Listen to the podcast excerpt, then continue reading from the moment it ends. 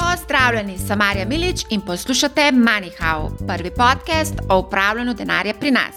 Preden gremo na današnjo vsebino, naj vas še enkrat spomnim, da 9. decembra pripravljamo delavnico o investiranju. Eh, veliko vprašanj smo prejeli od vas in sicer kako začeti z investiranjem, kako odpreti trgovalni račun, kako kupiti posamezno naložbo, sestaviti košarico oziroma portfelj naložb ali vložiti enkratno ali postopoma. Na vsa ta vprašanja in še veliko več bomo odgovorili 9. decembra na online delavnici. Ta bo pa pripravljena na, na način, da bo vsak razumel vse. Torej, primerna je za vse začetnike, za tiste, ki želijo utrditi svoje znanje, pa tiste, ki niso prepričani v svoj pristop.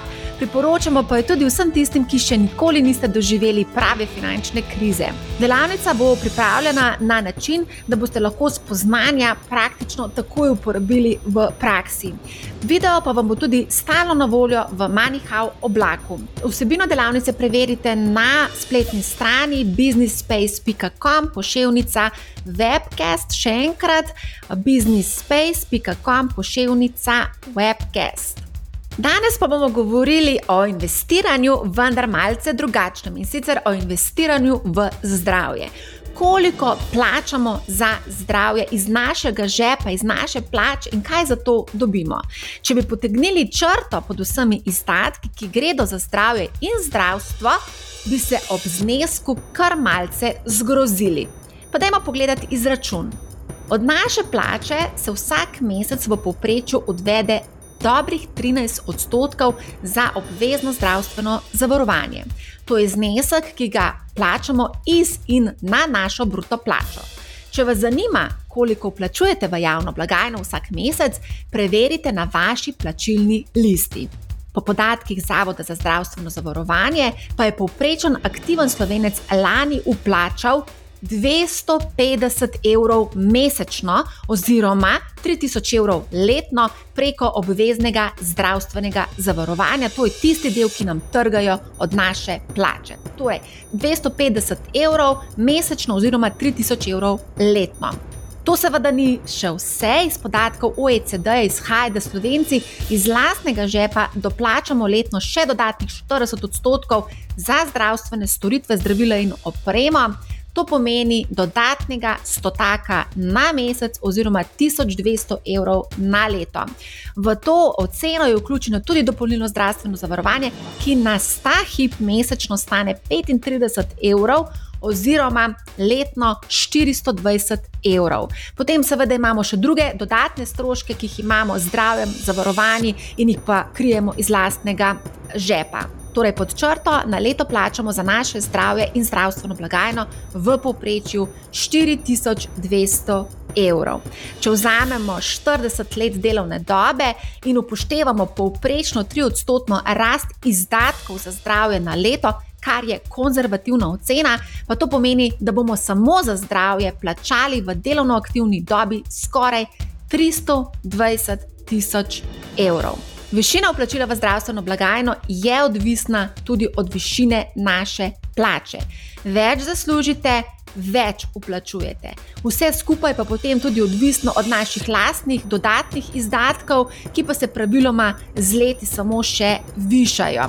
Prav tako podatki kažejo, da tisti z višjimi dohodki praviloma več tudi plačujejo zasebnikom, po domače povedano. Koliko pa vi osebno stanete zdravstveno blagajno? Torej, koliko stane vaš obisk pri zdravniku ali zdravila, ki jih predpiše, operacije, ki jih imate v sklopu javne mreže?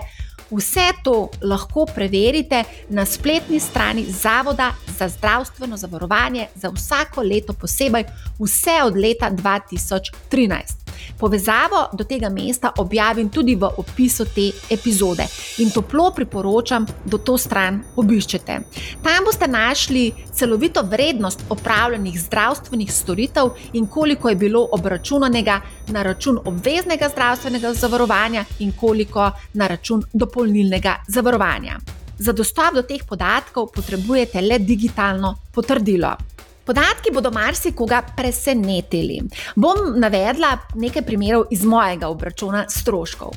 Pregled pri osebnem zdravniku je denimo um, stal 9 evrov, od tega je šlo 5,39 evra na račun obveznega zavarovanja, razlika pa je šla na dopolnilno zavarovanje. Cepljenje proti COVID-u je stalo dvakrat po 14 evrov, obakrat v breme obveznega zavarovanja. Pregled po letih kaže, da je bila vrednost, moja vrednost koriščenih storitev v javni mreži nekaj desetakov na leto ne hodim veliko k zdravniku, se pa zgodi, da tudi jaz moram kdaj k zdravniku in takrat v bistvu plačam nekaj desetakov na leto, 20, 30 do 60 evrov na leto. Lani pa, da nimo, sem imela en izreden primer, bila sem hospitalizirana, operirana, tudi ležala sem na intenzivnem oddelku, bila pregledana z ultrazvokom, magnetom, večkrat so mi vzeli kri, prejela sem res cel kup zdravil in tako dalje. Cena vsega skupaj pa je bila 3000 evrov. Na račun obveznega zavarovanja je šlo 2400 evrov, na račun dodatnega zavarovanja oziroma dopolnilnega zavarovanja pa 600 evrov. Glede na to, da smo v COVID-nih časih, sem, sem na Zavodu za zdravstveno zavarovanje preverila tudi, koliko stane javno blagajno zdravljenje COVID-nega bolnika.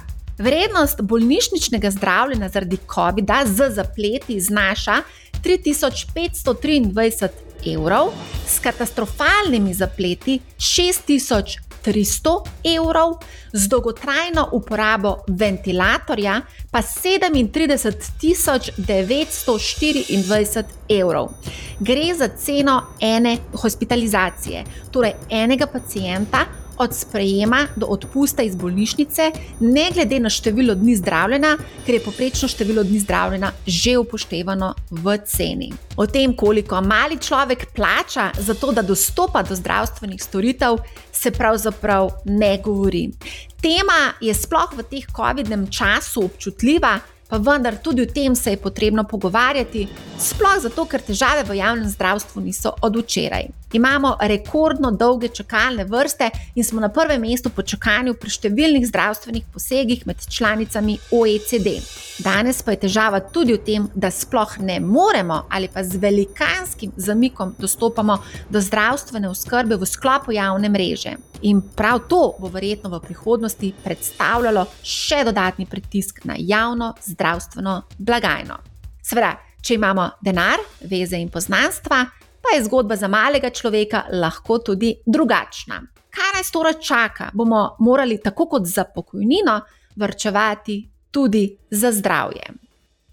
O vsem tem se bom pogovarjala z zdravnikom, specialistom, dermatovenerologom, dr. Bojanom Papovičem, ki je tudi pravnik in tudi pravni svetovalec na Fidesu, je pa tudi človek, ki brez dlake na jeziku pove tako, kot je. Pozdravljeni, dr. Papovič. Pozdravljeni, dober dan. Moram priznati, da sem bila mečko v dilemi glede današnje teme. Trenutna situacija v državi je grozljiva.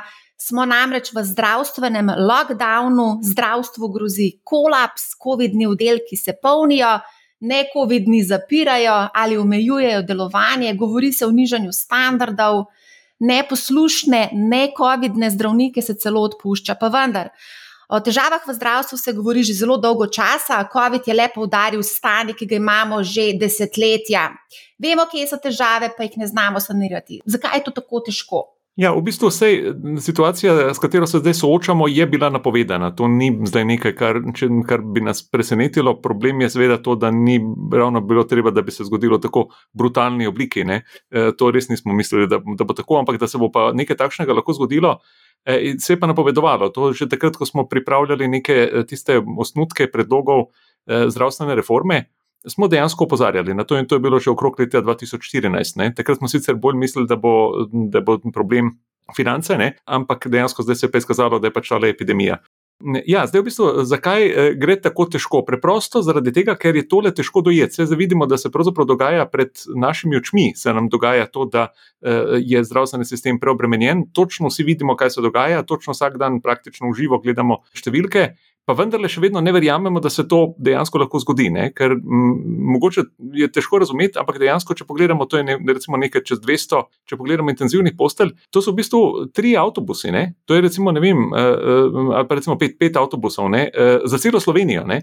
Če se kdo zdaj predstavlja, ljudje si mogoče predstavljajo, da zdravstveni sistem, da to seveda pač pomeni nekaj, nekaj nek nenormalno velik sistem, kjer pravzaprav karkoli se zgodi v tej državi, pač ta sistem lahko absorbira. Ne? V resnici zdaj zelo, zelo dobro vidimo, kako v resnici krhek je ta sistem in kako pravzaprav hitro pride do njegove preobremenitve. Ne? To je znana stvar in nasplošno, ko se pogovarjamo o tisti recimo neomejenosti pravic, o tem, koliko ne bi bilo pravic, koliko ne bi eh, še zdržali sistem, dejansko pravzaprav šele zdaj se je zelo, pravim, najbolj brutalni obliki videlo, kaj to pomeni, ko dejansko je zdravstveni sistem resnično zaseden in kako hitro je to. V bistvu življenje še vedno poteka normalno, imamo občutek, da poteka popolnoma normalno, samo seveda, ko bomo prišli potem v zdravstvene ustanove, v bolnišnice, vidimo, da je preprosto pač zasičen, ne, da je poln in to dokaj hitro. Ja, že pred COVID-om smo imeli dolge, dolge čakalne vrste, zdaj se te samo podaljšujejo. Greva pogledati podatke Zavoda za zdravstveno zavarovanje, ki so mi jih poslali in sicer. V obdobju od januarja do septembra 2021 je bilo v ambulantah družinske medicine, otroškega in šolskega dispanzerja za 10,2 odstotka več obravnav kot v enakem obdobju leta 2019, torej pred COVID-om. V zobozdravstveni dejavnosti pa 9,8 odstotka obravnav manj, v specialistični ambulantni dejavnosti pa 1,8 odstotka obravnav več. Najbolj kritično se mi zdi pa v akutni bolnišnični dejavnosti so opravili za 8,8 odstotka operacij manj, če gledava pa zdaj v absolutni številki, pa to pomeni 22.500 posegov manj kot v enakem obdobju leta 2019. Vse to bo enkrat v prihodnosti potrebno nadoknaditi in grozi nam dejansko inflacija cen zdravstvenih storitev. Mm, zdaj, eh, v bistvu najprej ta, eh, to, eh, to, da se je pač povečalo število obravnav na primarni ravni, to je pravzaprav v bistvu pričakovano. In ne na zadnje, to, da je to treba pač povečati, število obravnav na primarni ravni, oziroma pravzaprav zdaj govorim o obravnavah, se pravi vsebinskih obravnavah, ne samo administrativnih obravnavah, to v resnici že dolgo opozarjamo.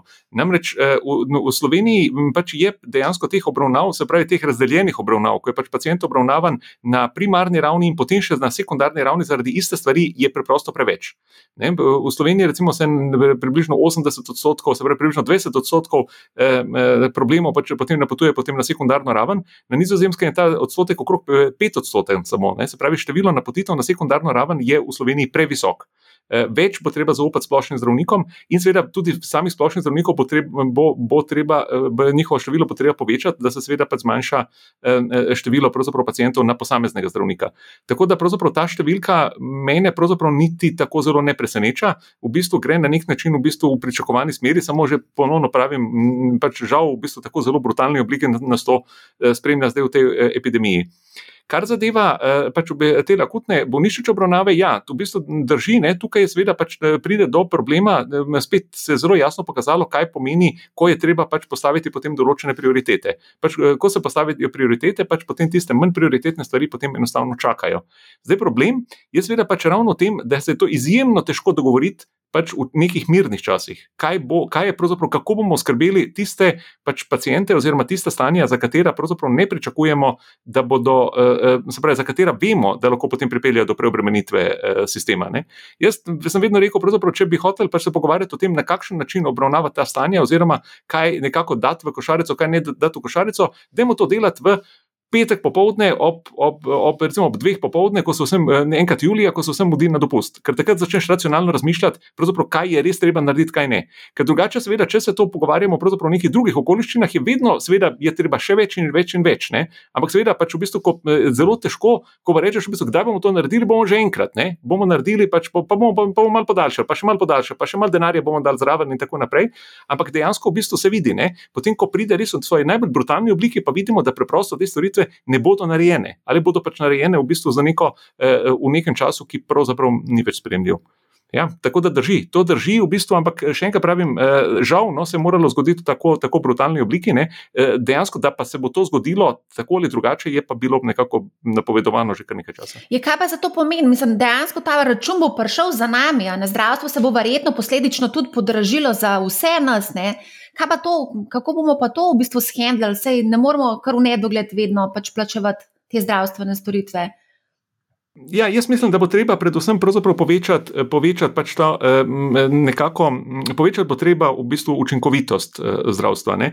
Zdaj, seveda, ko govorimo o učinkovitosti zdravstva, ne govorimo o produktivnosti. Tukaj se pogosto pač ta dva pojma mešata, se pravi produktivnost, nekako kako povečati število storitev, ne? druga stvar pa je pravzaprav to, kako povečati učinkovitost. Se pravi, mi pravzaprav si ne želimo povečati število operacij, želimo si pač povečati število pač pacijentov, ki operacije ne bodo potrebovali. Ne? To je pravzaprav tisto, kar je pač glavni fokus. In zdaj, če mi hočemo eh, pač, eh, ta premik narediti, v tem primeru bo treba absolutno več narediti v tistem segmentu zdravstva, v katerem lahko potem dokaj hitro pomagamo z relativno enostavnimi postopki in kjer lahko veliko ljudi, eh, veliko ljudi pritegnemo. Zelo najbolj, pač očitno, eh, najbolj očitna oblika je pa seveda pa cepljenje in pa zdravljenje COVID-a. Tukaj pa je v bistvu bolj čistega primera ne bi mogli dati. Ne? Se pravi, mi imamo cepivo, ki je poceni, ki je splošno dostopno, ki ima malo stranskih učinkov in ki ogromno prepreči. Po eni strani, po drugi strani imamo ekstremno drago eh, zdravljenje, kjer mi seveda zdaj lahko rečemo, da bomo reševali pač to z povečanjem števila hospitalizacij, s povečanjem števila pač, eh, eh, bolniških postelj, ampak za nenormalno visoko ceno. Ne, tako, to, je, to je znana stvar. Znano je, da, v bistvu, da je cepljenje verjetno najboljši preventivni ukrep, ki smo ga kadarkoli v zgodovini eh, dosegli. Eh, ne samo iz razloga kot se recimo pogosto podarja, ampak tudi v bistvu iz preprostega razloga, ker je enostavno, eh, eh, prem, eh, z malo stranskimi učinki v bistvu in dejansko v bistvu zelo, zelo učinkovito in lahko v zelo kratkem času doseže zelo veliko število ljudi. Ne? In obratno, kot vidimo, ne, v bistvu, kako zelo počasi in kako zelo mukotrpno je, potem, ko je treba te, to potem zdraviti. In ta premik bo treba narediti, ker drugače dejansko, če bomo mi samo kopičili, bo, samo bomo čakali, da ljudi zbolijo, ljudje zbolijo, eh, nam bo prišla potem ta situacija, da bodo ti stroški potem nar, pač naraščali v bistvu neke nenormalne višine.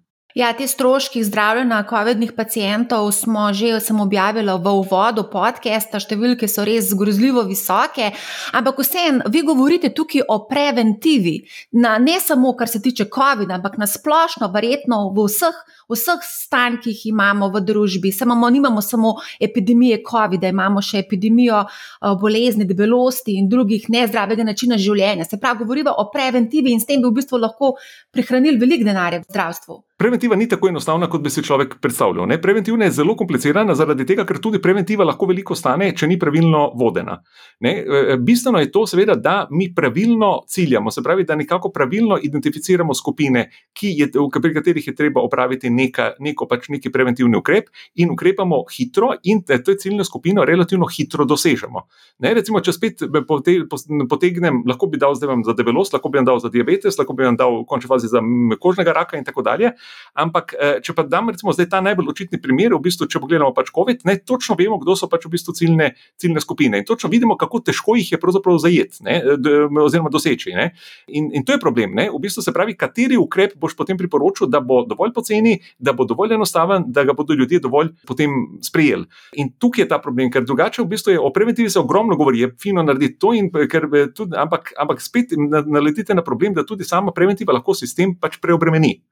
Ne? Recimo, da vam bom recimo, en zelo tipičen primer iz moje stroke, to je seveda pač v bistvu pregledovanje znamenj. Mi seveda pač absolutno priporočamo samo pregledovanje znamenj. Samo pregledovanje znamenj rešuje življenje. Se pravi, postaviti se enkrat na mesec pred ogledalo in pač v bistvu pogledati svoje znamenja, se pogovoriti s splošnim zdravnikom. To, kar pa seveda pač preobremeni sistem, je pa seveda to, če pa v bistvu vsi pravijo, da zdaj bomo pa z demoskopom, ki je sicer odličen pripomoček, ampak zdaj bomo pogledali uh, vsa znamenja vseh dveh milijonov slovencev. Zaradi tega, ker mi od trenutka, ko ugotovimo neko nevarno znamenje, do trenutka, ko ga je treba izrezati, v bistvu govorimo o mesecih, mogoče dveh, treh mesecih. Če pa mi eh, potrebujemo 10 ali pa 15 let, da, vse, da vsa znamenja pregledamo, pomeni, da nismo naredili nič.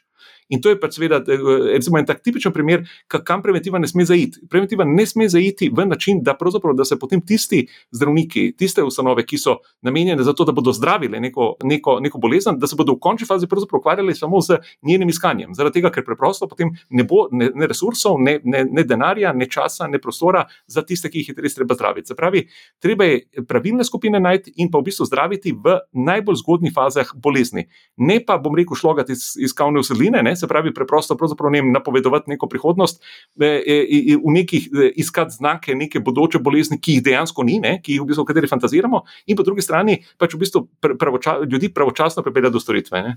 Ja, to ste zelo lepo povedali, ampak vse veste, kako so ljudje naravnani. Vsi bi radi se malo pogovarjali z zdravnikom. Ne. Vsi v bistvu iščejo stik z zdravnikom in iščejo nek recept za neko hitro rešitev neke težave. To, to zelo dobro vem, vam lahko povem tudi moj, moje življenje, približno ravno tako poteka, ker dejansko v končni fazi pride na to, da svoje najožje sorodnike moram dobesedno na, na termin naročiti, če hočem se z njimi sploh pogovoriti. E, ampak treba bo začeti verjetno tudi pač v bistvu zaupati tudi splošnemu zdravniku, kdaj kakšnemu drugemu zdravstvenemu e, osebju in tako dalje. Skratka, e, naša naloga v bistvu zdravnikov je, da v bistvu da dejansko usposobimo čim več ljudi, da bodo pač znali pomagati. Vse v končni fazi doktor pač v bistvu pomeni v bistvu učitelj v končni fazi. Spravi, naša naloga je čim čim več ljudi naučiti pravo stvar. Ne, ne moramo pa dejansko se v bistvu z vsakim pogovarjati. Ne. Ja, kaj pa Google zdravnik, ne? veste, da ponovadi ljudje iščejo na Googlu cel kup nekih uh, diagnoz. Ne? Eh, ja, v bistvu na Googlu tako, ne, da se eh, na Googlu vse piše, piše vse pravilno. Vprašanje je samo, da je treba najti pravo informacijo, ne, eh, da je treba prefiltrirati, katera informacija je pravilna, katera ne. ne. Drugače pa krasno, odličen, odličen pripomoček in dejansko tam vse piše. Sam dejansko težko se odločiti, katera informacija je prava, če nimaš predznanja. Ne. Predznanje je treba imeti, v bistvu treba je znati v bistvu informacije pravilno, pravilno brati. Tukaj bi pa jaz zelo podaril, da na nekaj, kar, kar mogoče niti ni toliko samo medicinska stvar, ampak tudi stvar pač izobraževanja, eh, v bistvu pismenost, ne? se pravi funkcionalna pismenost. To je, to je zelo vel, vel, velika stvar. Se pravi, ne samo v bistvu znati prepoznati črke, ne vem, znati tekoče prebrati besedilo, ampak dejansko tudi razumeti verodostojnost besedila, sporočilnost besedila in tako dalje. Eh, tukaj pa se je velik problem ne? pri Google. Ja, to se kar strinjam. Ja, včasih kakšna težava zna biti majhna, ampak iz, potem, ko dobimo informacije z Google, se pa kar mal povečajo te težave. Um, a greva pogledati ta izračun, uh, ki sem ga v, sicer v uvodu epizode omenila, tudi ven sem ga posredovala, koliko plačamo v bistvu v mhm. zdravstveno blagajno in pa za samo zdravje, nekako poprečju 4200 evrov letno. V 40 letih, če upoštevamo 3 odstotno rast izdatkov za zdravje na leto, kar je zelo, zelo konzervativno, pa skoraj 320 tisoč evrov. Če smo še malo bolj pogumni, če rečemo, da se eh, izdatki povečajo za 5 odstotkov letno, pa to v 40 letih pomeni pol milijona. Evrov. Višina vplačila v zdravstveno blagajno je odvisna, seveda, tudi od naših dohodkov. Višjo plačo imamo, več uplačujemo in tudi več stroškov imamo z zdravjem, s tem, ko se staramo. Se vam zdijo ti zneski visoki? Ja, te zneske, če jih primerjamo z uh, državami, nam primerljivimi, recimo evropskimi državami, uh, v bistvu so nekje v povprečju. Ne? V bistvu, pa, če pogledam na naše število uh, prebivalcev, pa recimo na naše plače in tako dalje. Ne? Recimo nekatere države, kot so recimo Nemčija, Avstrija, uh, Nizozemska, v bistvu namenjajo več ne? kot mi. Ne? Imamo pa seveda pač v bistvu tudi evropske države, večinoma bom rekel sicer jugovzhodno od nas, ne? ampak tudi pravzaprav v končni fazi Italija, ne? ki pa v bistvu vse, ko gre za javno zdravstvo, pač v bistvu namenjajo v odstotku manj. Uh, uh, sredstev kot mi. Ne. Zdaj, vsaj v Evropi, nimam občutka ravno, da v bistvu da države, ki namenjajo manj denarja, da bi pač imeli boljše zdravstvo. Zdaj, tiste, ki pa namenjajo več denarja, pa imajo v principu sicer nekoliko boljše zdravstvo kot mi, ampak dejansko za veliko več denarja. Tako da v bistvu slovensko zdravstvo ni tako zelo neučinkovito. Mislim, da smo nekje v bistvu v relativno. Še v bistvu, kar se tiče odstotkov, v bistvu na relativno, eh, v bistvu na neki razumni višini.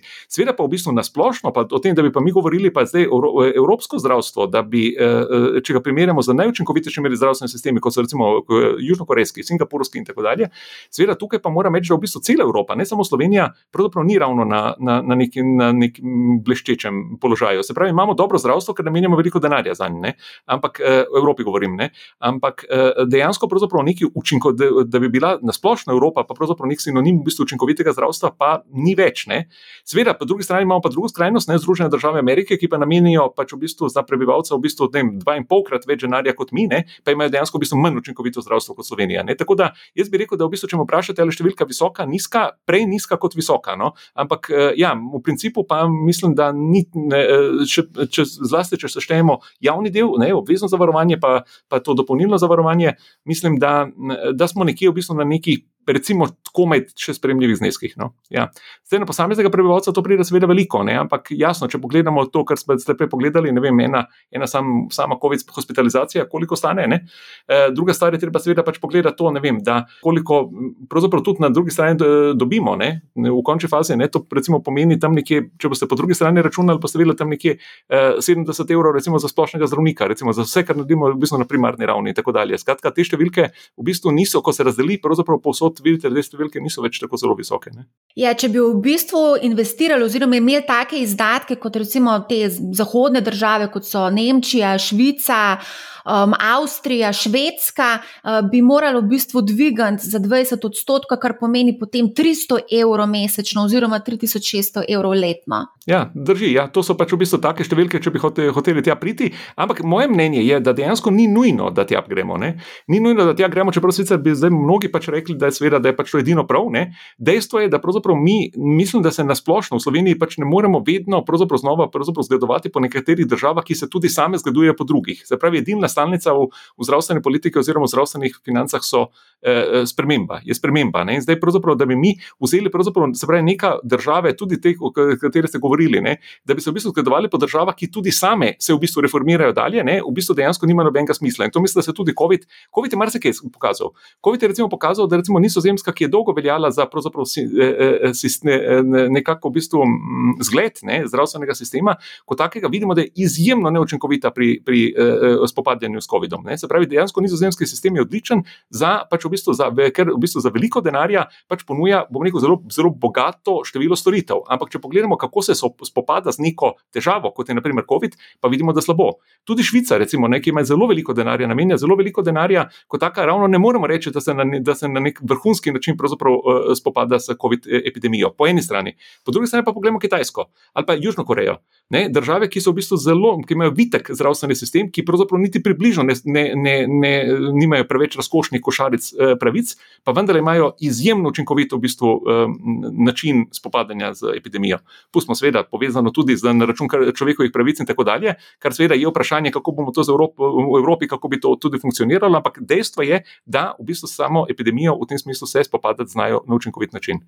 Zdaj, če se vrnemo nazaj na pač to našo košarico in kaj v bistvu mi koristimo in koliko to uh mhm. -huh. stane, to se vse, vsak lahko to preveri na spletni strani Zavoda za zdravstveno zavarovanje, seveda z digitalnim potrdilom, lahko vsak dostopa do teh podatkov, do svojih osebnih podatkov. Recimo, jaz sem tudi zdaj konkretno povedala, naštela sem nekaj uh, primerov. Uh, mogoče sem ena taka zanimiva stvar opazila in sicer pri osebnem zdravniku je vrednost pregleda par evrov.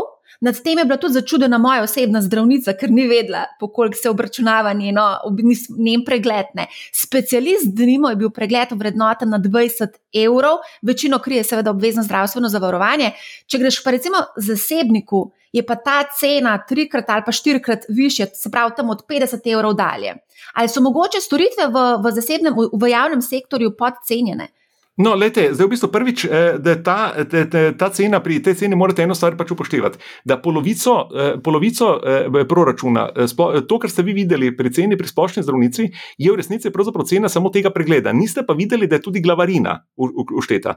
Se pravi, v bistvu splošni zdravnik pravzaprav dobi za vas v bistvu neko letno dobi pravzaprav nek pavšal, ki je pravzaprav čisto neodvisen od tega, ali vi, ali vi v bistvu hodite ali ne hodite. Tega niste videli v tem izračunu. Videli ste pravzaprav samo pravzaprav ta pregled. Oni imajo pač tak sistem in ta sistem pravzaprav ni napačen, zaradi tega, ker v resnici to je zato, da v bistvu zdravnika lahko pokličete. Se pravi, da se vi vsakeč znova ne rabite ukvarjati, ne vem, ali boste vi moj zdravnik, imate čas za me in tako naprej. Se pravi, on vas vodi, dobiva pač v bistvu za ta pavšal, da je za, v bistvu za vas na voljo.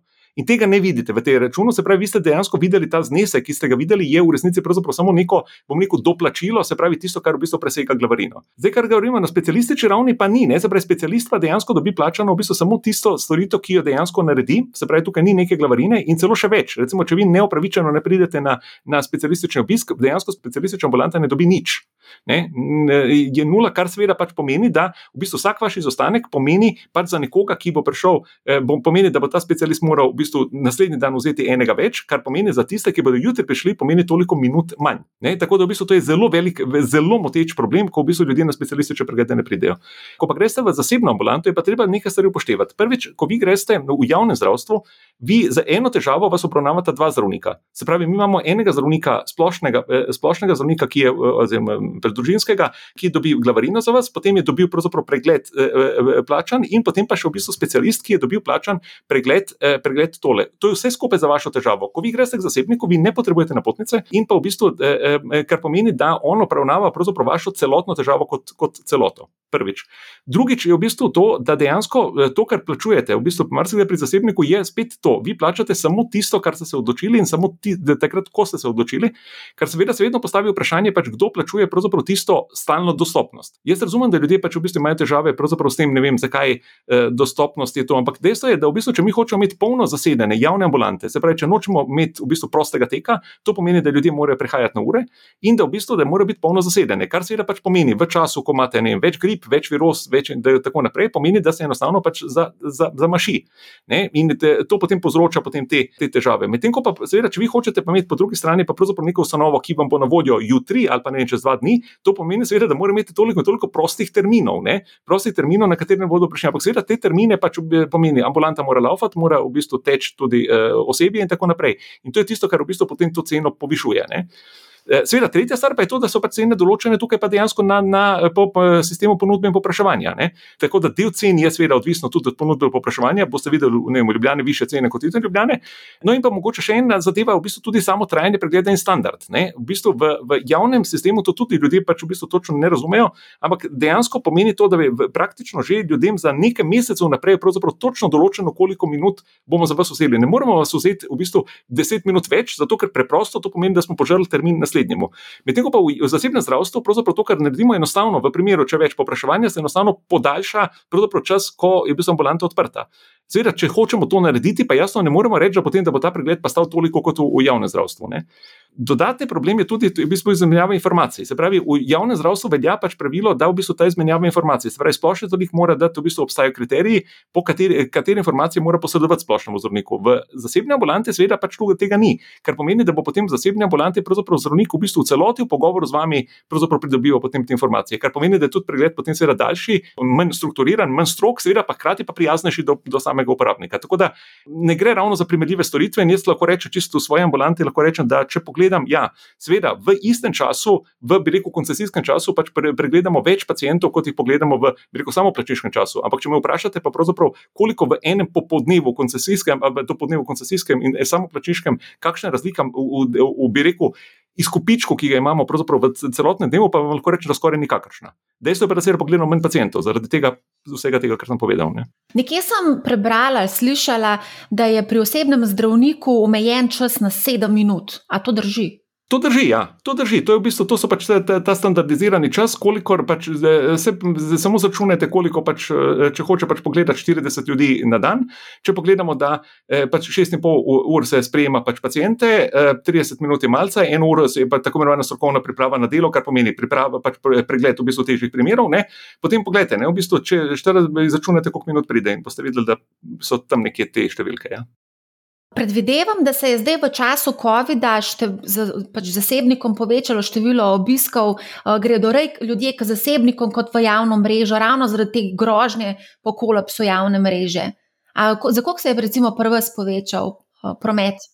Mm, ja, jaz, ja, sigurno je, sigurno je, kar pa je tako, da, e, ampak je pa najbolj zanimivo je pravzaprav to, da vse v naši ambulanti, konkretno, ki je pač dobila koncesijo po, ne boste verjeli, po 20 letih, v bistvu to o tem, pravzaprav o tem, kako, v bistvu zdaj, zakaj pravzaprav zasebne ambulante ne morejo pridobiti, e, e, v bistvu ne jemljajo napotnico, čisto preprosto, zato ker je bilo treba na prvi razpis čakati 20 let. Ampak ja, v bistvu tako je bilo in to je najbolj zanimivo, pa je pravzaprav to, da, da se je, človek pričakoval, recimo, aha, zdaj pa je možno pač na koncesijo, se bo pač v bistvu pač v bistvu bodo, bo se zmanjšal obisk. Pravzaprav sploh ne, ne. Dejansko v bistvu se ugotovi, da, da v resnici gre za vprašanje pravilnega razporejanja pacijentov. Se pravi, jaz nimam občutka, da, da ljudje nasplošno iščejo samo plačniške storitve zaradi tega, ker pravzaprav v bistvu ne morejo priti v, v, v javnem mreži na, na vrsto, ampak preprosto, ker hočejo imeti drugačno obravnavo. Ne. Drugačno obravnavo in to sta dve, za me, vsaj jaz lahko rečem, potrdim, da so to pravzaprav različna sistema. Tako da, ja, glede COVID-a, v bistvu v tisti, bom rekel, če pa pogledam recimo leto 2020, kot, kot recimo tisto zelo referenčno leto, pa lahko rečem, da ni kakšnih bilo bistvenih sprememb, mogoče celo nekaj manj kot to leto 2019. Deva pogledati še en zanimiv podatek. Delež celotne potrošnje gospodinstv za zdravje se med letoma 2005 in 2018 podvojil, najbolj se je povečal pri premožnejših gospodinstvih. Razlog naj bi bil povezan predvsem s čakalnimi dobami v javni mreži in pa predvsem skrbjo za lastno uh, zdravje. S tem pa se povečuje na nek način tudi neenakost. Ne? Ali pa tudi ne, ne, ali pa tudi ne, zaradi tega, ker dejstvo odvisno je, kako zasebni sistem pravzaprav funkcionira. Če zasebni sistem oskrbi pacijenta, se pravi, to pomeni, da, eh, da bo potem toliko in toliko manjši pritisk v javne ambulante in to pomeni, da, bo, da bodo pač enostavno tisti, ki obiskujejo javne ambulante, prišli prej na vrsto, da bodo imeli preprosto več minut časa, kot če v bistvu tam večja gneča. Sveda, drugi problem pa so seveda, zato, pa so v bistvu zasebne ambulante, ki, so, ki pa bi rekel, pretežno usmerjajo pacijente potem v javni sistem, ne, ki potem recimo ne vem, dajo. Zato jaz sem recimo zelo velik nasprotnik tistega priporočil, ne, priporočamo, kaj naj javni sistem naredi. Se pravi, zasebni sistem je tukaj, da razbremeni javnega, ne pa zaradi tega, da v bistvu da mu, da mu dodatno pove, kaj, kaj ne bi tukaj delal. Tako da vprašanje je, dejansko, v bistvu, če se pravilno razporedimo, če se pravilno razporedijo eh, resursi, če se pacijenti pravilno razporedijo, potem pravzaprav na račun, bi rekel, te, ki so bolj osveščeni, ki koristijo, koristijo več eh, eh, zasebnih sredstev, enostavno ostane več prostora potem v bistvu za tiste resnejše diagnoze, oziroma za tiste, ki pač v bistvu zasebnega sistema ne more privoščiti. Tako da jaz nisem ravno tako, ampak nisem tako zelo, bom rekel, tukaj prepričan, no, da to v bistvu povečuje neenakost. Je pa še enkrat povdarjam, silnega pomena zveda o tem, kaj v zasebnem, v zasebnem segmentu počnemo. Se pravi, če dejansko pacijenta oskrbimo v celoti, je to, je to plus. Če pa pravim, pravzaprav delamo, delamo samo zato, da rečemo, kaj v bistvu bi pa ta pacijent rabil še nekaj več, v javnem sistemu pa ne, ne, potem pa delamo samo večjo zmedo. Ja, moram priznati, da tukaj sem dobila tudi odziv od Zavoda za zdravstveno zavarovanje, ker so zelo kritični do zasebnega, komercialnega zdravstvenega sektorja. Lahko vam povem, da so ugotovili, da uh, so v ZDA, ker je pač s komercializacijo medicine in zasebnih zavarovanj, da se je življenjska doba prebivalcev ZDA skrajšala, oziroma je krajša od prebivalcev Slovenije, in da nekako vidijo rešitev v financiranju um, pač te javne mreže. Podobno kot delajo razvite evropske države, pa to, potem tudi pravijo, da zdravstvena politika v Sloveniji bi morala ustrezneje ločiti javno in zasebno zdravstvo ter omejiti negativni vpliv zasebnih zdravstvenih zavarovanj, tudi ne, na katere Svetovna zdravstvena organizacija ugotavlja, da z vidika načela enakosti v dostopu niso primerna in nasplošno tudi ne prispevajo k večji finančni zaščiti prebivalcev. Tukaj konkretno o, govorijo tako o zasebnih zdravnikih, kot tudi o, o zdravstvenih zavarovanjih, nadstandardnih, ne usporednih. Jaz se pravzaprav s tem popolnoma strinjam. Ne? S tem se popolnoma strinjam, to, kar so pač povedali, in pravzaprav so samo z drugim besedami povedali to, kar sem tudi jaz že prej povedal. Ne? Se pravi, gre za, v bistvu, za, za pač v bistvu to ločitev, ločitev ki pač ne, ne sme biti, se pravi, namen pač zasebnega zdravstva pač ne sme biti pač ta, da bom rekel, rešuje pač anomalije javnega sistema. Prav nasprotno, ne, naloga zasebnega zdravstva je dejansko to ločiti, se pravi, obravnavati pacijente, ki si pač to želijo, ki si želijo na ta način obravnavati, ker eh, ne pa to. In zdaj, recimo, tudi tole so recimo, pogosto vprašanja, ki recimo tudi moram reči, strani samih uporabnikov veliko krat vprašajo. Ja. Zdaj, v bistvu, ne vem, koliko časa bom pa čakal vem, v javnem eh, koncesijskem sistemu, koliko bom potem v zasebnem sistemu, pa v bistvu potem gre potem tisto, zdaj bom prej prišel potem v, v zasebnem osebne bo prišel potem prej na vrsto. Ne? To v bistvu ni pravilna pot, ne? ker to bi bila pot, eh, sploh pa recimo v strokah, pri katerih recimo, če bom prej naredil pregled, zato da bom prišel do prej do operacije. Seveda potem takšnega sistema zasebnega ne potrebujemo. Ne? Mi potrebujemo pravzaprav ljudi, ki dejansko pričakuje, se pravi, v zasebnem sistemu pač, pač dejansko pričakujemo pacijente, ki dejansko želijo na ta način pač v bistvu biti obravnavani. Lahko da isto paralelo kot vprašanje, pa zdaj v bistvu avtobus pa, avtobus pa taksi ali pa avtobus pa osebni avto. Ne? Vi v bistvu ne boste šli z osebnim avtom, se ne boste šli peljati do, avto, do najbližjega avtobusnega postajališča. Vi se boste doma odločili, ali greste na avtobus. Če greste na avtobus, greste doma, eh, se oblečete, greste na postajališče, tam počakate avtobus, gre, se ukrcate na avtobus in se odpeljete tam, tja, kamor greste. Če vas greste pa z avtom, se greste v garažo, se usedete v avto in se spet odpeljete tja, kamor greste. To, kar pa je ta sistem, recimo to, o čemer opozarjam jaz in v končni fazi tudi ZZS, ne, je pa to, da pa se mi v bistvu doma se usedemo v avto in se odpeljem do prve avtobusne postaje, kjer pa bom potem pa v bistvu se posedel pač na avtobus. Si predstavljamo, kakšna gneča bi bila. Se pravi, dejansko jaz že doma moram odločiti, ali hočem eno ali drugo. Ne, seveda, če bom šel v avto, potrebujem avto, potrebujem servis, potrebujem benzin in tako naprej. Če grem pa seveda pač v bistvu na avtobus, pač potrebujem eh, pač vozovnico in ta bo načeloma cenejša. Ista stvar bi na enak način mora funkcionirati zdravstvo. Se pravi, če se odločim iti zasebno, potem seveda pač je prav, da tudi v zasebnem pravzaprav vsaj nekaj časa, ne, da, da do rešitve glavne težave ustrajam. Zdaj, ko ste omenjali čakalne dobe, OECD je objavil podatke da imamo kar zelo dolge uh, čakalne dobe za posege, kot so operacija kolka, kolena, druge operacije in posegi, smo rekorderji. Recimo tudi od kolegice, mama, če lahko omenim konkreten primer, uh, je upokojenka, potrebuje uh, protezo in more čakati dve leti, da pride sploh na vrsto za pregled, zato iščejo rešitev pri zasebniku. A se vam to zdi fair, glede na to, da plačujemo vsta čas za zdravstvo in da potem tudi na pregled ne pridemo? Vprašanje je, kako so zračunali, kako so pač zračunali. Zdaj, če mi pogledamo po drugi strani, ko bomo pač seveda pogledali, kdo pa je ne, v, tej, v tej eh, čakalni vrsti in kako se pač ljudje razporejajo, pa bomo, potem, pa bomo potem v bistvu marsikaj videli. Ne. Ene izmed stvari bomo recimo videli to, da recimo seveda, če mi ponujamo recimo operacije, določene operacije že na stopnjah, na katerih v nekih drugih državah eh, operirajo samo na željo pacijenta in pa samo plačniško, seveda v tujini tak pacijent ne bo v čakalni vrsti, pri nas pa bo. Ne. To so pravzaprav tukaj glavni problemi, so pravzaprav, kje bomo pač mi postavili pač te kriterije. Dejstvo je, da pač v bistvu ravno to, kar sem že pregovoril, v tujini se ljudje bolj odločajo za to, da bodo rekli, pač to si lahko privoščim, to si želim in to si bom pač v bistvu plačal. Medtem ko pa pri nas je pa dejansko samo ta nekako zgodba, da zdaj to je nujno in zdaj pa iščem samo najkrajšo pot, da bom do, do tega prišel. Tukaj potem tudi se vračamo tisto na začetek, preventivo in tako dalje. Ne? Se pravi, mogoče bom eno, eno povedal eno, eno zgodbo. Ko sem imel na predavanje v, v Genovi, sem imel na svojih diapozitivih pač napisano to, da se v Sloveniji pač dogaja to, da, da prihaja do pojavov, ko v zasebnem sektorju dajo potem priporočila za zdravljenje v javnem sektorju. In me potem klical prevajalec eh, in me vprašal, da če, če sem jaz, verjetno sem se zmotil pri tem diapozitivu, ne, da najbrž da sem pa mislil, da iz javnega sektorja da jih vabi v zasebni sektor. Ne. Eh, rekel, ne, ne, nisem se zmotil. Skratka, v, Ita v Italiji ne morejo razumeti, ne, da bi nekdo šel k zasebniku zaradi tega, da v bistvu bo upravil prej pregled, da bi prišel hitreje na vrsto za operacijo v javnem sektorju. V zasebnem sektorju gre v Italijo, gre za to, da pač v bistvu, ker hoče biti v zasebnem sektorju obravnavan. Ne, in prej se dogaja obratno, ne, da v bistvu noče biti v javnem sektorju, zato ker se mu zdi, ne vem, ali da je ni ustrezno obravnavan, da ni, da ni ustrezno rekel, standard, ki se ga želi, in tako naprej, in da to gre zaseb, zasebno. Ampak ta, ta del ne, pa, pa dejansko je v bistvu je, je zelo napačen, v bistvu, za moje mnenje, celo v bistvu koruptiven. Ne, se pravi, to, da jaz grem v, v, v zasebno zato, da, da, da, dobim, da dobim priporočilo, da bi šel čim prej naprej. In lahko čisto iskreno povem, tudi v mojem volanti pač v bistvu tega ne dobite. Se pravi, če v bistvu pri nas nekdo pride, da bi, da bi hotel pač praviti pre, pregled za to, da mu dam priporočilo, da bo prišel v bistvu prej nekam na vrsto na operacijo, preprosto pač v bistvu jaz rečem, ne se odloči. Ne se pravi, ali hoče biti obravnavan samo plačniško, ali pa pač v bistvu bo šel v javnem sistemu. Ampak v bistvu priporočilo za operacijo v javnem sistemu bo dobil od splošnega zdravnika ali pa od koncesijskega dermatologa. V, od zasebnega pa v bistvu pa bo oskrbel njegovo eh, težavo od začetka do konca. Ne. Jaz moram priznati, da sploh vedela nisem, da lahko dobiš pri zasebniku priporočila za potem javno zdravstvo oziroma javno mrežo. Koliko pa to stane priporočilo?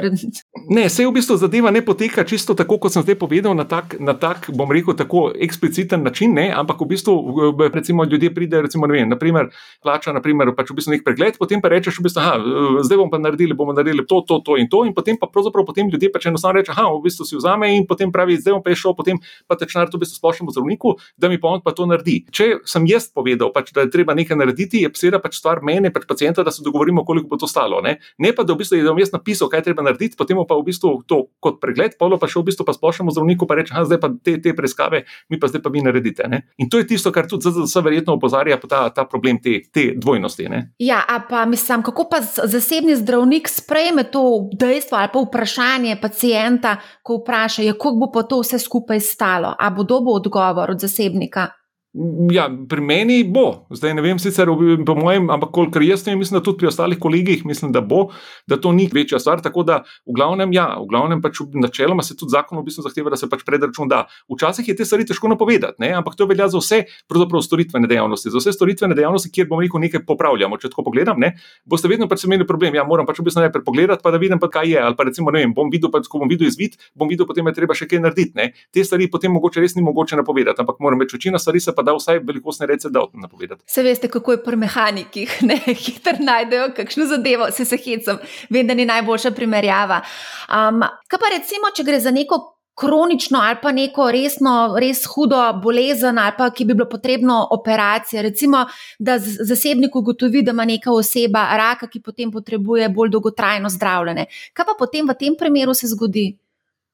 Ja, zdaj, lete, v bistvu spet vprašanje, o katerem raku se zdaj pač pogovarjamo. Ne? Rak, seveda, ni eh, diagnoza, ravno v kateri bi zdaj ustrajali pri tem, da bodo ljudje, ljudje pač v bistvu do vem, svojega celega raka, da bodo pač v bistvu eh, zdravili v, v zasebnem sektorju. Ne?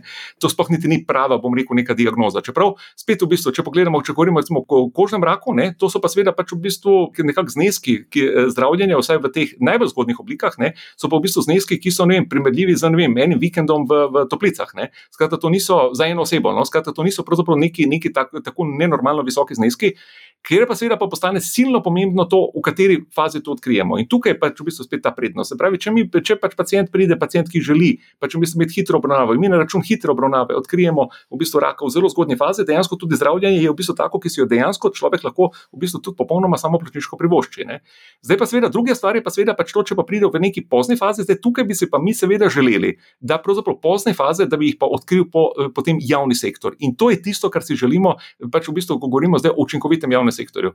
Se pravi, da če vi seveda imate neko resno maligno bolezen, ta pravzaprav sploh niti ne bi smel pomisliti, da bi šel v bistvu zasebniku, ker njega bi moral pač v bistvu spustiti javni sistem čim hitreje skozi. Ampak seveda problem pa je seveda to, če je javni sistem pa v bistvu obremenjen v bistvu z storitvami, ki bi jih mirno lahko pravil zasebni sektor, potem seveda bodo ti pacijenti čakali. In tukaj recimo tukaj imamo mi, to je naša dnevna zgodba, dnevna zgodba, ki jo vsak dan gledam. Jaz gledam pravzaprav ljudi, ki se mi naročajo, ljudje se mi naročajo in se kregajo za to, kdaj bodo imeli pregledana znamenja, ker pač v bistvu je čakalna doba dolga, ampak teh znamenj še nihče niti pogledal, ni. niti splošni zdravniki, in v bistvu čakajo, se postavijo vrsto in seveda lahko čakajo 9 mesecev, ker se to lahko privoščijo, ker dejansko v bistvu ne sumijo nič posebnega. Ampak videti, da je pa na ta račun, pa v bistvu pa 6 mesecev, pa v bistvu pa, nis, pa nimaš dati kam pacijenta, ki ga pa rabiš pa obravnavati, to in, in definitivno ni pacijent, ki bi bil samo plačniški pacijent, seveda to je pa zelo grdo gledati. Ne?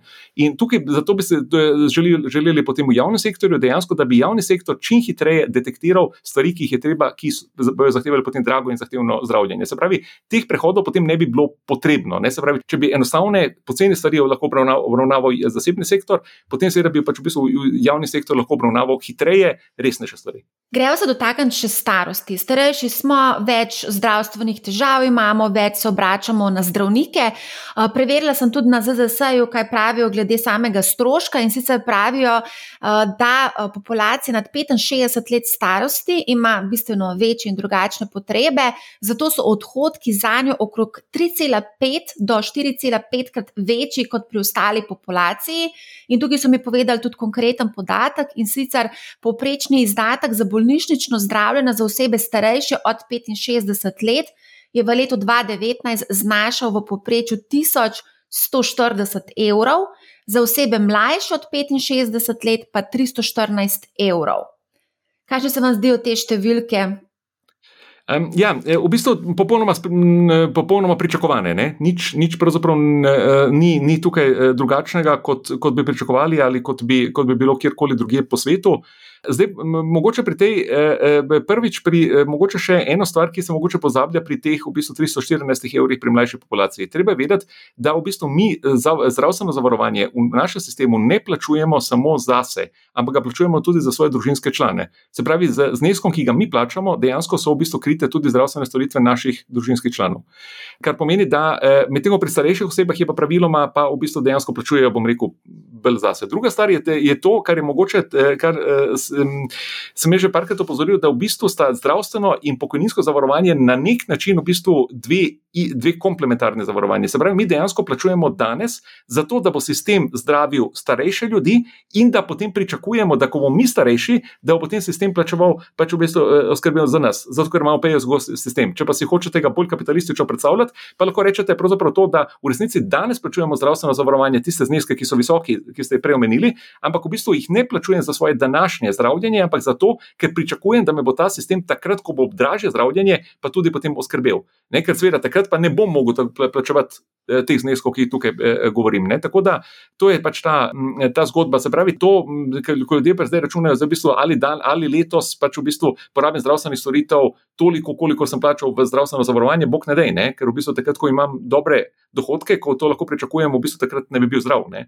In dejansko v bistvu uplačujem za to, da bo pač v bistvu takrat, ko bom pač uh, starejši. Ja. Ali pa pravim, bolj pravilno si je pa predstavljati, pač, da v resnici mlajša generacija plačuje več za to, da v bistvu koristi sistema več starejši. In v bistvu, poglejmo za drugo zgodbo. Če sistema ne bi imeli, kdo bi moral skrbeti za naše starše? Mi ne mi bi morali plačevati njihovo, njihovo zdravljenje. Ne? In potem bi, eh, bi spet prišli do tega, res bi zase pač zapravili 314 evrov, ampak za, za svojo mamo, očeta, ne bi pa moral plačati pa 1400. Ne? Če pa imam zavarovanje, potem dejansko v bistvu plačujem jaz v sistem, zato da sistem za to poskrbi. Mogoče zdaj tako, zdaj marsikater mlajši človek bi se zdaj oglasil in rekel, da mora v bistvu tudi danes plačevati za svoje starše, ki so celo življenje delali za svojo pokojnino, pa si danes ne morejo privoščiti normalnega življenja. Eh, tako da tukaj dejansko mladi ljudje tudi plačujejo svojim staršem v domih za pokojence in podobno, za zdravila in tudi za razne proteze in podobno, ne, zato da lahko obiščejo zasebnika oziroma kakšnega drugega zdravnika. Ne. Eh, tako da marsikdo bi rekel, podobno kot za pokojninsko blagajno, da je to na, na nek način neka ponzi schema. Ne. Kako bi vi komentirali to? Na kakšen način mislite? To je tisti način, kot ste povedali, danes v bistvu mi uplačujemo, zato da lahko starejše generacije v bistvu živijo od tega. Ne? Če nekako zmanjka plačnikov in glede na to, da se Slovenija, da je izredno stara populacija, ne, bo kmalo zmanjkal plačnikov, ne? oziroma bojo tisti, ki zdaj uplačujejo, imeli bistveno, bistveno slabše pogoje. Ne? Drži. Drži. To popolnoma drži in zaradi tega pač ta, ta, ta sistem te medgeneracijske solidarnosti bo treba ohraniti. Ne? Drugače bomo prišli na to, kar ste prej eh, povedali za ZDA. Ne? Pri ZDA v bistvu manjka, manjka sistem. Ne? Se pravi, pri njih ni problem samo, eh, eh, samo to, da, da, da stane veliko. Ne? Problem je tudi to, da je, da je strahotno neučinkovit. Ne? Ravno zaradi tega je pač to in tukaj jaz upam, da bo pač pri nas se pač ohranila ta, ta ideja medgeneracijske solidarnosti. Ljudje si ne predstavljajo, koliko bomo plačevali za zdravstvo za primer, če bo mislijo, da bomo mi danes v bistvu vrčevali. Če mislimo, dajte si predstavljati, koliko bi vi hoteli, recimo, zase v sedanjih letih, koliko mislite, da si morate dati na stran za svojo starost. In začnite računati, da boste videli, da, da najprej morate ugotoviti, dokdaj boste živeli. Ne veš, kdaj bo živelo. Ja, približno veš, no. pač, tablice smrtnosti, pri, neke približne ocene so tam do 80. Ampak ali bi si upal, ali bi si vi upal načrtovati svoje prihranke na ta način, da boste rekli, v bistvu, takrat, ko je po moji tablici smrt, smrtnosti, ko bom pač um, umrla, ne, takrat, v bistvu, bo, takrat bom na nuli. Ne boste, ne? Vedno, boste, vedno boste rekli, kaj pa, poleg tega neka tablica smrtnosti ni pri vsakem letu enaka. Ne? Se pravi, ena je pač v bistvu moja pričakovana eh, življenjska doba ob rojstvu, ena je pa ob, ob recimo, vem, pri 80 letih. Se pravi, če sem star 80 let, bom imel vem, svojo pričakovano, zdaj na pamet govorim, na pamet ne vem, koliko je, ampak je recimo 85 let, ne? se pravi, se tudi na zgor premika. In dejansko vi ne boste upali, pravzaprav reči, v bistvu jaz bom svoje prihranke letno razporejal tako, da potem pri 80 bom ostal brez prihrankov, če ne boste imeli zavarovanja. In zato seveda pač je ključno, da imate zavarovanje ki pač pomeni za, za to, da vas zavaruje v bistvu za doživetje. Ne? In zdaj, seveda, če bomo mi šli na skrajni egoizem, ne? se pravi, bomo rekli, enostavno, jaz bom dajal samo na, na, na stran, zaradi tega, ker itak za me nihče ne bo poskrbel, si bom pač plačeval takrat, ko, ko bom bolan, zato da bom imel takrat preprosto, ne veste, koliko si morate dajati na stran. In boste lahko pa šli v drugo smer, se pravi, da boste dan šli v neko hudo revščino, preprosto zaradi strahu, kaj se bo zgodilo v primeru, eh, pač v bistvu, ko, ja, ko boste starejši. Mislim, da že danes vemo, da vsi mladi ljudje morajo vrčevati za dodatno pokojnino, ker tisto, kar bomo dobili od države, bo mizerno, mizerno nizka. Že danes upokojenci težko živijo, kaj šele potem, ko se bomo mi upokojevali. Zdaj, kar se tiče recimo zdravja, Um, jaz menim, da bi bilo potrebno določen znesek nameniti tudi zdravju, ker naša zdravstvena blagajna je pod pritiskom in glede na vse tiste podatke, ki smo jih prej omenjala, se bo ta pritisk samo še večal. In vse več ljudi bo iskal alternative, bojo obiskovali uh, zasebnike. Um, ja, zdaj v bistvu okrog vrčevanja, moj, moj predlog bi bil, da se je vendarle treba tudi v času za čas starosti, eh, predvsem eh, poskrbeti pač denarni tok. Jaz vem, da pravzaprav Sloveniji smo zelo, eh, zelo pač v bistvu radi, pač v bistvu imamo denar na banki ali pa imamo pravzaprav v nepremičninah ne? in pač v bistvu to mislimo, da pač je nekako tista, tisto pač način vrčevanja. Ampak še enkrat, kako si bomo tukaj, to je seveda lahko nekaj stvar, ko imam jaz točno končni cilj. Vem, hočem si, hočem si pač privoščiti to in to, zato bom potreboval približno toliko denarja in tako naprej. Zdaj, seveda, problem pa nastane, ko v bistvu imam tako totalno negotovo zadevo, kot je recimo zdravstveno, kot je v bistvu moje zdravstvo ali pa v bistvu moje storitve, ki jih bom potreboval v, bistvu v, v času, v, eh, za katerega pravzaprav niti ne vem, koliko, koliko, koliko bo trajalo. Tako da jaz mislim, da tukaj vendarle, kakorkoli obrnemo, da je treba iskati v bistvu rešitev v zavarovanjih. Razen seveda za ljudi, ki seveda si lahko pričakujejo, da imajo pravzaprav toliko premoženja, da bojo recimo lahko iz obresti si v bistvu to plačevali. Ne? Ker vemo, da takoj, ko začneš glavnico, je že tako vprašanje, koliko časa si jo boš lahko načenjal. Tako da, eh, tako da po mojem je, je dejstvo pri ljudeh, ki nimajo toliko premoženja, da bi si lahko res samo iz obresti ali pa iz letnih donosov pač v bistvu plačevali v bistvu dovolj, bi rekel, teh storitev, da bi si na nek način morali denarni tok zagotoviti tudi ta zasebni. In tukaj je verjetno potem zavarovanje vrčevanje boljša rešitev kot v bistvu neko klasično eh, vrčevanje. Drugače se pa strinjam z vami. O kakšnem zavarovanju govorimo tukaj konkretno? E, ne vem, govorimo recimo o zavarovanju, recimo govorimo o pokojninskem zavarovanju. Zdaj, pokojninsko zavarovanje, ko se pogovarjamo, spet to ne. E, da, če govorimo, bom šel k zasebniku. K zasebniku bom plačeval svoje tekoče pokojnine, bom plačeval storitve. Se pravi, jaz dejansko potrebujem denarni tok, potrebujem denar, ne, ne potrebujem zdravstvenega zavarovanja, ker uh, govorim zasebnega. Ker problem z zasebnim zdravstvenim zavarovanjem je to, da v bistvu nad 65 letom v bistvu praktično posebej redke produkte, ki vas hočejo zavarovati. Nekatere zavarovalnice sicer imajo to možnost, da potem v bistvu imajo kombinacijo vrčevanja in zavarovanja. No, morda da bo to smer šlo, ampak če boste pogledali, v bistvu to ni zelo daleč od ideje dodatnega pokojninskega zavarovanja. Ja, to je res. Ja. Tle je treba biti zelo previden, no, ker tudi zavarovalnice znajo biti zelo prefrigrane. A gremo najprej na dopolnilna zavarovanja. Ja. Imamo jih od leta 1992, nekako krijejo od 10 do 90 odstotkov tistih storitev, ki jih obvezno zdravstveno zavarovanje ne krije. Premija trenutno je okrog 35 evrov mesečno, oziroma 420 evrov letno. Premija se noro hitro uspenja v 15 letih za kar 75 odstotkov. Povejva še to, da 95 odstotkov odraslih ima sklenjeno to zavarovanje. Ampak vseeno, na vlade, kar nekaj vlad v preteklosti, tudi uh, zdaj, letos, lansko leto smo videli pobudo za ukinitev do, do, dopolnilnega zdravstvenega uh, zavarovanja. Kakšno je vaše mnenje o tem? Ja, moje mnenje je, jaz sem kritičen. Jaz nisem, nikakor nisem pač v bistvu podpornik eh, dopolnilnega zdravstvenega zavarovanja. Se tudi strinjam, da bi ga bilo treba ukiniti ali pa v bistvu zelo spremeniti njego, njegovo obliko. Ampak moram biti realist. Ne? Eh, dejstvo je, da v bistvu vsaj prejšnja vlada je, je bila zelo daleč v, v tem, da bi, da bi ga ukinila. In dejansko, ko začnete potem eh, računati s številkami, pridete potem seveda do tega, da če hočemo narediti zavarovanje bolj solidarno, to pomeni, da, bo, da bodo pač nekateri, ki danes že mislijo, da plačujejo preveč, da bodo morali morali plačevati še več. Ne? Zaradi tega, ker pravzaprav danes eh, plačujejo dopolnilno zavarovanje tudi osebe, ki, ki jim to predstavlja, ne vem, lahko tudi vem, 5 ali pa 10 odstotkov njihovega mesečnega prihodka. Ne? Tako da, kar je seveda ogromno, zelo visok procent, ampak dejansko dejstvo je, da v bistvu, če hočemo njih razbremeniti, morajo potem drugi bi, bi morali potem plačevati še več. In kot smo videli, pravzaprav tukaj političnega konsensa za to ni bilo v Sloveniji. Tako da zdaj dopolnilno zavarovanje je na nek način, bom rekel, ta nek, neka tržna uspešnica, se pravi, dejansko je, ima, ima neverjetno neverjetno število zavarovancev, in pa eh, dejstvo je tudi to, da je vsaj v teoriji prostovoljno, in eh, dejstvo je tudi to, da na nek način v bistvu ni tako zelo progresivno. Ni progresivno. Se pravi, na nek način tudi tisti, ki, rekel, plač, koristijo več storitev, tudi v procentualno gledano več plačujejo. Se pravi, na nek način je bolj pravičen, je pa seveda manj solidaren. Tako da um, izkazalo se je nekako čist politična realnost, je pokazala, da ga je pravzaprav zelo težko ukiniti. Čeprav je, bom rekel, verjetno skregan z vsemi pravili in verjetno ga najbrž ni, ni nobene, bom rekel, nobena mednarodna organizacija, ki bi pač v bistvu podpirala tak model. Ne. Zdaj pa, dokdaj bo trajalo to zavarovanje, v bistvu ali se ga pa splača. Jaz osebno mislim, da toliko časa, dokler ne bodo ljudje pa spoznali, da obstajajo kvalitetnejši zasebni produkti, kvalitetnejša zasebna zavarovanja. Zdaj, to, da ima nekdo v bistvu še neko dodatno zasebno zavarovanje, je, bo rekel, zelo običajna stvar skoraj v celem razvitem svetu.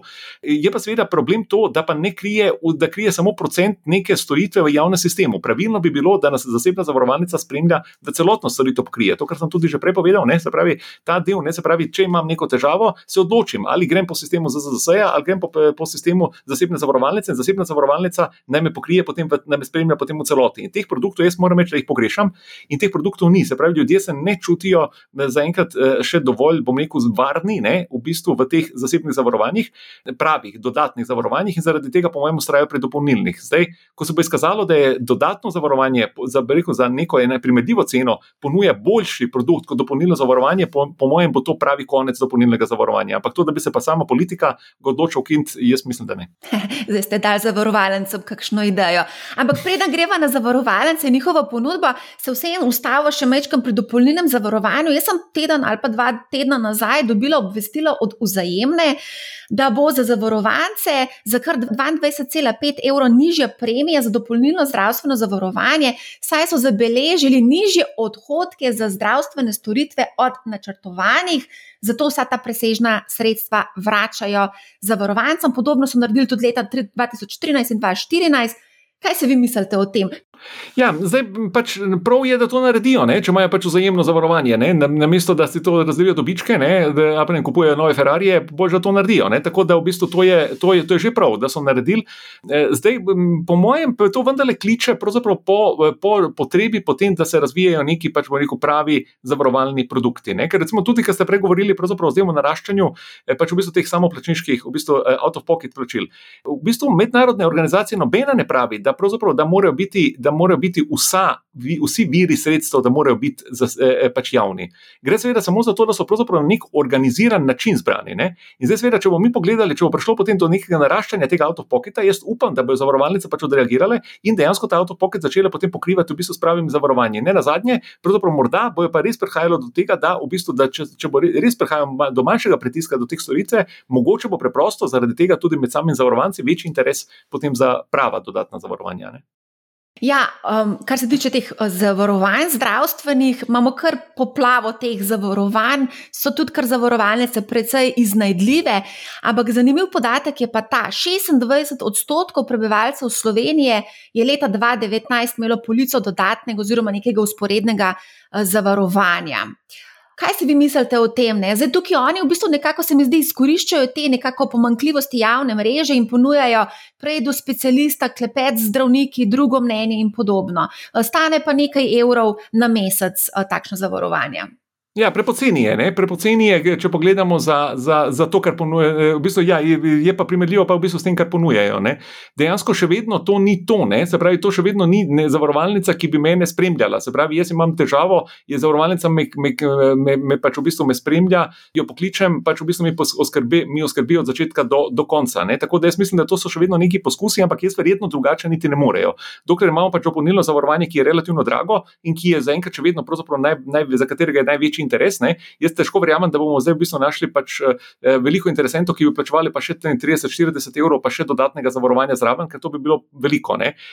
Upam pa, ne, seveda, da se bodo pa začeli razvijati recimo, produkti po tam nekje, recimo 45-55 evrov, ne, pravega do, dodatnega zavarovanja, se pravi, tam, kjer dejansko dopolnilnega več ne boste potrebovali. Seveda, to bi pa postalo pa zanimivo in to pa je zelo pogrešno. Se pravi, vi govorite o neki zelo veliki, veliki ponudbi zavarovanj, jaz osebno pa moram reči, da jaz pa jih vidim pa zelo skromno ponudbo. Ne. Skratka, ponujajo res v bistvu take, bom rekel, res malo take storitve, mal, um, kjer jaz bi bolj rekel, da v bistvu to niti ni pravo zavarovanje, ampak samo to, da jaz v bistvu plačam nek pošaljni znesek, da dobim neko dodatno servisno storitev ne, eh, dalje. Ne. To se mi ravno ne zdi zavarovanje, no, to, kar je. Ne. Ampak ja, za začetek je pa dobro, no. v bistvu vsaj začeli so, no, ker dolgo časa sploh niti začeli niso. Ne. Ja, mogoče tudi ljudje to najbolj uh, razumejo, tako enostavne produkte. Bolj, ko imaš zakompliciran produkt, več imajo, imajo dela s pojasnjevanjem. Um, gremo se dotakniti še ene zanimive tematike, ker v bistvu zelo malo podatkov je na voljo, niti nimamo nekih, nekega upogleda v to, koliko denarja v bistvu za to zapravimo, gre za alternativce. Uh, in sicer nekje sem prebrala, v bistvu, da gre tukaj več 100 evrov lahko za te alternativne oblike zdravljena. Pozna tudi kar nekaj ljudi, ki pri alternativcih, alternativcih porabijo v bistvu kar nekaj denarja v vrednosti avtomobila sredi cenovnega eh, razreda. Kakšno je vaše mnenje o alternativcih? No, zdaj, da se razumemo, vsaj jaz, seveda, pač jaz sem naredil pač medicinsko fakulteto uh, v bistvu in pač jaz ne bi šel na medicinsko fakulteto, če v bistvu se ne bi pač v bistvu verjel v, v tem, da, da se medicina dela na podlagi znanstvenih odkritij. In jaz v bistvu seveda pač ne morem reči, se strinjam, da je v bistvu alternativna medicina, da je medicina. Zaradi me je lahko alternativna, ampak ne morem se pa strinjati s tem, da je medicina, ker v bistvu pač ni, je, je tukaj malo terminološke zmede. Ena zelo druga stvar pa je seveda to, ali sem proti temu, da pač obstajajo alternativci, sploh ne. Sploh ne. Namreč jaz vedno pravim tako, v bistvu dan ima vedno 24 ur. In zdaj, če, če jaz pogledam to v, bistvu v naših ambulantah, kaj mi lahko pacijentu rečemo? Mi rečemo, diagnoza je taka in lahko rečemo, da zdravi se na ta način in zdravilo se bo toliko in toliko časa je pa tukaj pa cel kup v bistvu razno raznih stvari, ki jim pa seveda pač zmanjka. Ne? Če bom pač jaz rekel, ne vem, pač, če vam rečem, ne, gripa se zdravi, pa en teden, en teden boš se slabo počutil, zdaj pa v bistvu mi ne dajemo tukaj nekih priporočil, kako se bom pa jaz v bistvu boljše počutil v času gripe, ne? kaj mi bo uh, bolj ustrezalo. Ne? Ali pa recimo druga stvar, recimo to jaz lahko rečem, pa znanstveno ni dokazano, da bi neko pač kronično bolezen znal pozdraviti. In jaz sem pravzaprav tukaj končal, ampak pacijent je še vedno živ, pacijent še vedno ima nekih 24 ur, to, ki jih mora nekje pre, preživeti in v bistvu v končni fazi ima tudi v končni fazi nekaj, če hočete, alternativca, ki se bo v bistvu z njim pogovarjal o njegovi težavi. Jaz tukaj ne vidim nič narobe. Vi ste govorili recimo o avtomobilu srednjega razreda. Zdaj, poglejmo človeka za neko kronično težavo. Kaj njemu več pomeni? Amo več pomeni to, da se bo v bistvu pogovarjal, da, da bo nekdo poskrbel za njegovo težavo, se nekaj trudil, v bistvu vse ga poslušal pač, eh, okrog njegove bolezni, ali si kupite v bistvu avto. Vprašanje je, dejansko mu mogoče to v, življenju več pomeni. Tako da jaz moram reči, v bistvu alternativna medicina, dokler ne razgraša v to, da, da bo pozdravila nekaj bolje kot v bistvu neka zahodna medicina, da bo pozdravila nekaj, dokler ne bo začela obljubljati nekih, nekih napačnih upov ali pa v bistvu uh, ljudi odvračati od, v bistvu, od samega zdravljenja, jaz nimam nič proti njej. A greva se dotakniti za konec, še mogoče. Um, včeraj sem ravno poslušala, ko so se politiki pogovarjali o proračunu, nekaj se je govorilo, da se bo pač tudi tudi vlagalo v zdravstvo. Eh, zdaj, trenutno se izredno malo vlaga v primerjavi z drugimi državami OECD in sicer 0,5 odstotka letnega BDP-ja, Nemčija recimo vlaga 1,1 odstotka, Avstrija nič cela 9 in tako dalje. Eh, kje je zdravstvo najbolj podhranjeno in kje pričakujete, da bo največ vlagan, oziroma bi moralo biti največ vlagan? Da se dvigne produktivnost, ne o kateri ste pregovorili. Ja, to ste zdaj pravzaprav zanimivo vprašanje postavili. Verjetno, najbrž, kogarkoli bi vprašal, bi najbrž povedal isto. In to je verjetno eden izmed, eden, ena izmed težav. Ne? Vsekakor mislim, da eh, če pogledamo, kaj nas pričakuje, seveda nas kaj eh, v perspektivi z starostjo, seveda bomo rabili vlagati veliko v neurologijo, bomo rabili veliko eh, v onkologijo. Verjetno bo treba pač v bistvu tudi v samo mobilnost v bistvu ljudi, ne? se pravi ljudi, ki pač z nekimi okvarami gibal bodo pač to potrebovali. Ne? Tole potem seveda absolutno podhranjena je primarno zdravstvo, eh, urgentna medicina in tako dalje. Skratka, to so sigurno pač neki podarki, na katere bo treba dajati, dajati glede na sedanje perspektive. Zdaj pa ne, in seveda popolnoma novo je pa seveda pač to, kar je po mojem mnenju bilo močno zanemarjeno, je pa področje bilo pač infekcijskih bolezni. Ne? Mi smo mislili, da smo jih premagali, ne?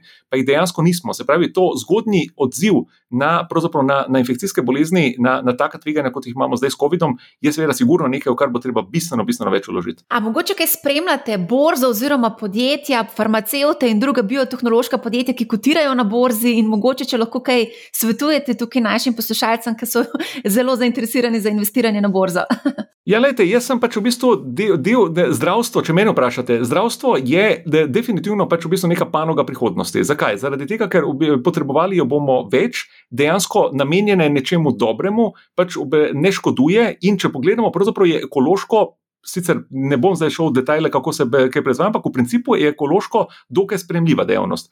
In če jaz pogledam, recimo, da mogoče, če je bilo ne, 20. stoletje, ne vem, obdobje pač v bistvu neke mobilnosti, ne, se pravi, v bistvu, kako bomo čim bolj mobilni, kako smo čim več gibali in tako naprej, dejstvo je, da je vprašanje, kako je to v bistvu ekološko, zdravstveno in tako naprej vzdržno. Tako da jaz mislim, da zdravstvo je definitivno panoga, ki ima, ki ima v bistvu veliko prihodnost v bistvu in, ki ima, uh, in ki bi bila pravzaprav zelo pozitivna. Tako da, recimo, če zdaj govorimo o vprašanju, zdaj to, ali koliko procentov bi namenili namenili za, za, za zdravje. Jaz upam, da bomo nekaj dne več procentov BDP za zdravje namenili kot za, kot za bom rekel, ne vem, eh, vožnjo z avioni ali pa, ne, ali pa nakupe osebnih avtomobilov. E, tako da mislim, da je, da, da tukaj je, je to prav. Ne, in ne na zadnje, v bistvu vsak je lahko, če pogledamo, je lahko del te zgodbe. Tukaj pa mogoče pa vsej tej grozne zgodbe s COVID-om, mogoče pa nekaj vendarle lahko opazimo. Prvič, dejansko danes je Slovenija pač odprta. Kdorkoli lahko kupi delnice, če kdo hoče biti del farmacijskega lobija, lahko takoj postane. Ne? Gre v bistvu samo na borzo, kupi pač v bistvu delnice in je že v bistvu nekaj dobijo tega. E, druga stran, e, e, zdravstvene poklice nikoli niso bili, nikoli ni, nismo bolj kričali po, v bistvu ljudi, po novih kadrih v zdravstvene poklice. Mladi ne se odločijo, ne? v bistvu super, ne? v bistvu čim več se bodo odločali za zdravstvene poklice, tem bolj. Se pravi, jaz ne bi toliko jamral o tem, koliko nas to stane, ampak dejansko to je zelo velika priložnost za to, da, v bistvu, da vsi skupaj nekaj naredimo. In jaz mislim, da bomo, bomo dejansko vlagali v industrijo, ki, pravi, ki je ekološka, ki ima perspektivo, ki je namenjena človeku in po kateri bo potreba. Ne? Ja, mislim, da super ste to povedali, mislim, da lahko tukaj tudi zaključiva. Tako da najlepša hvala za izčrpne, izčrpne informacije. Želim vam veliko sreče pri delu in upam, da se končno ta COVID situacija reši, čim prej reši. No? Hvala lepa, to, to upamo vsi, ja, da se vrnemo nazaj v normalno. Ja. Naknadno sem prejela od vzajemne nekaj primerov poprečnih cen za najpogostejše operacije. Omenimo pa še, da se med bolnišnicami cene razlikujejo. Cene sem zaokrožila na vzgor, doplačilo pa velja v primeru, da nimamo sklenjenega dopolnilnega zavarovanja, pač pa samo obvezno zavarovanje. Če posameznik, da nima, nima dopolnilnega zdravstvenega zavarovanja, mora doplačati, da nima 10 odstotkov vrednosti najzahtevnejših zdravstvenih storitev, 20 odstotkov vrednosti večine zdravljen v bolnišnicah, pri specialistih in v osnovnem zdravstvu, 30 odstotkov vrednosti zdravljen večine poškodb in zdravil iz pozitivne liste, 90 odstotkov vrednosti nenujnih reševalnih prevozov in mnogih okrevanj v zdraviliščih. 90 odstotkov vrednosti zdravil za umestne liste, očal in zobne protetike. Ko slišimo te visoke odstotke, pa je potrebno seveda tudi pogledati absolutne številke, ker pogosto znašajo v bistvu doplačila le nekaj evrov. Pa dajmo pogledati, če malo bolj konkretno, malo bolj uh, zahtevne posege. Recimo, poseg na zapestju, celotna poprečna vrednost znaša 980 evrov evrov, če dopolnilnega zdravstvenega zavarovanja nimamo, bi morali doplačati 238 evrov. Posegi na ramenu, poprečna vrednost tega posega je 1995 evrov, če nimamo dopolnilnega zavarovanja, pa nas to lahko stane 480 evrov. Recimo operacija okončin, bodi si roke ali noge, celotna vrednost je okoli 3200 evrov, če nimamo dopolnilnega zavarovanja, pa nas to lahko stane okrog 960 evrov. Na tem seznamu, ki so mi ga poslali, je najvišja vrednotena operacija za klop in sicer kar 24.600 evrov, od tega znesek doplačila v primeru, da dopolnilnega zavarovanja nimamo 2460 evrov. Zamenjava kolkov 5800 evrov, če nimamo dopolnilnega zavarovanja, nas to stane 1281 evrov. Še enkrat bi vas rada spomnila, da na mesec plačamo 35 evrov in seveda to na letni ravni nanese 420 evrov. Toliko za danes. Če imate kakršno koli vprašanje, mi pišite na marjaafnabusinessspace.com. Ne pozabite na našo delavnico o investiranju, ki se bo zgodila 9. decembra. Vsebino preverite na www.businessspace.com webcast, pošiljka webcast. Torej, businessspace.com pošiljka webcast. Toliko za danes, želim vam lep dan, poslušajte manjhav, ne bo vam žal in lep pozdrav!